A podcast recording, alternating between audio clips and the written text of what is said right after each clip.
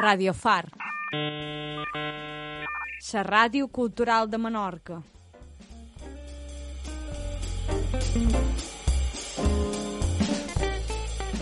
Càpsules d'art per Carles Jiménez.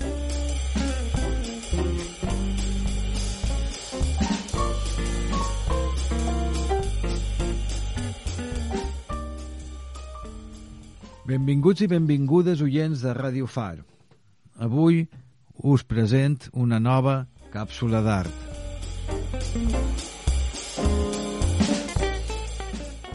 De robatoris i misteris.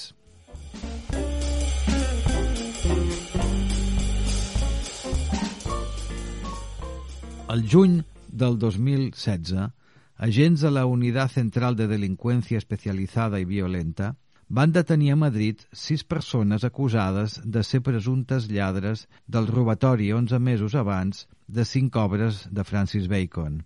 Una banda professional va accedir a l'habitatge del propietari de les obres, prop del Senat de Madrid, a plena llum del dia, i ràpidament i silenciosament van endur-se les peces, valorades en 30 milions d'euros. Podria tractar-se del robatori més gran de la història d'Espanya, juntament amb el que va patir Esther Koplovitz el 2001, en què van desaparèixer dos Goya, un Gris, un Pissarro, un Nonell, dos Fujita, un Bruegel, un Sorolla i alguns altres més.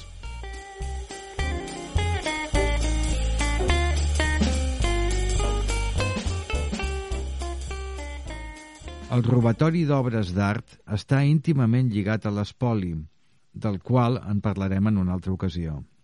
A Itàlia, per exemple, es calcula que es roben al cap de l'any 200.000 peces entre quadres, objectes, joies, restes arqueològiques, etc., mentre que els carabinieri només disposen d'una plantilla de 50 persones per gestionar una base de dades de 6 milions de peces robades. Tanmateix, la magnitud d'aquestes xifres no es pot entendre sense la intervenció de les màfies italianes, la Cosa Nostra a Sicília, la Camorra a Nàpols, la Drangheta a Calàbria. És a través de les seves xarxes internacionals que es distribueixen les obres robades i es venen arreu del món, juntament amb les armes, les drogues i les falsificacions, el tràfic d'obres conforma un dels negocis il·lícits més grans del món.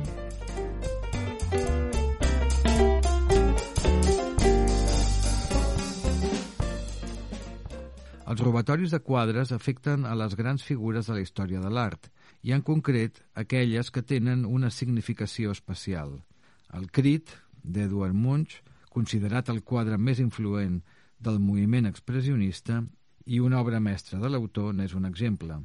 Munch en va fer quatre versions.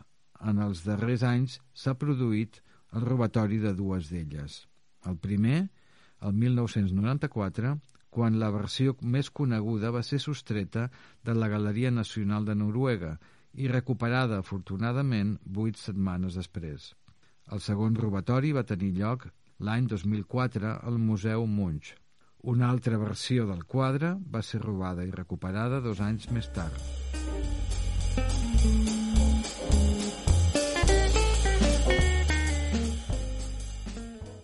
L'experiència ens indica que molts robatoris són resultats d'un encàrrec d'un col·leccionista, si se'l pot qualificar així, que contracta lladres professionals per realitzar la feina. Aquestes obres no acostumen a entrar dins del circuit comercial, ja que serien immediatament identificades. La Interpol i d'altres organitzacions com l'FBI disposen de, de bases de dades públiques on es poden veure les obres robades que han estat denunciades. En alguns casos, el pas dels anys dificulta la seva recuperació. Corria l'any 1990 quan de l'Isabel Stuart Gardner Museum de Boston va desaparèixer una obra mestra de Vermeer, el concert, i una altra de Rembrandt, Tempesta al mar de Galilea. Avui dia, la recompensa per facilitar la seva recuperació és de 5 milions d'euros.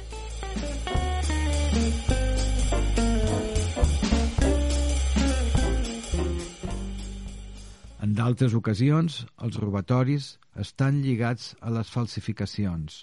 Quan Eduardo Balfierno va convèncer Vincenzo Perugia perquè robés la Joconda al matí del 21 d'agost de 1911 al pati quadrat del Louvre, fent-li creure que ho feia per la pàtria italiana, li amagava que l'objectiu era fer-ne sis còpies i vendre-les com a originals de Leonardo da Vinci. Segons sembla, cinc americans i un brasiler les van comprar per 300.000 dòlars cadascuna. El misteri de l'obra, que va ser recuperada dos anys més tard, es veu així, magnificat fins avui. En continuarem parlant.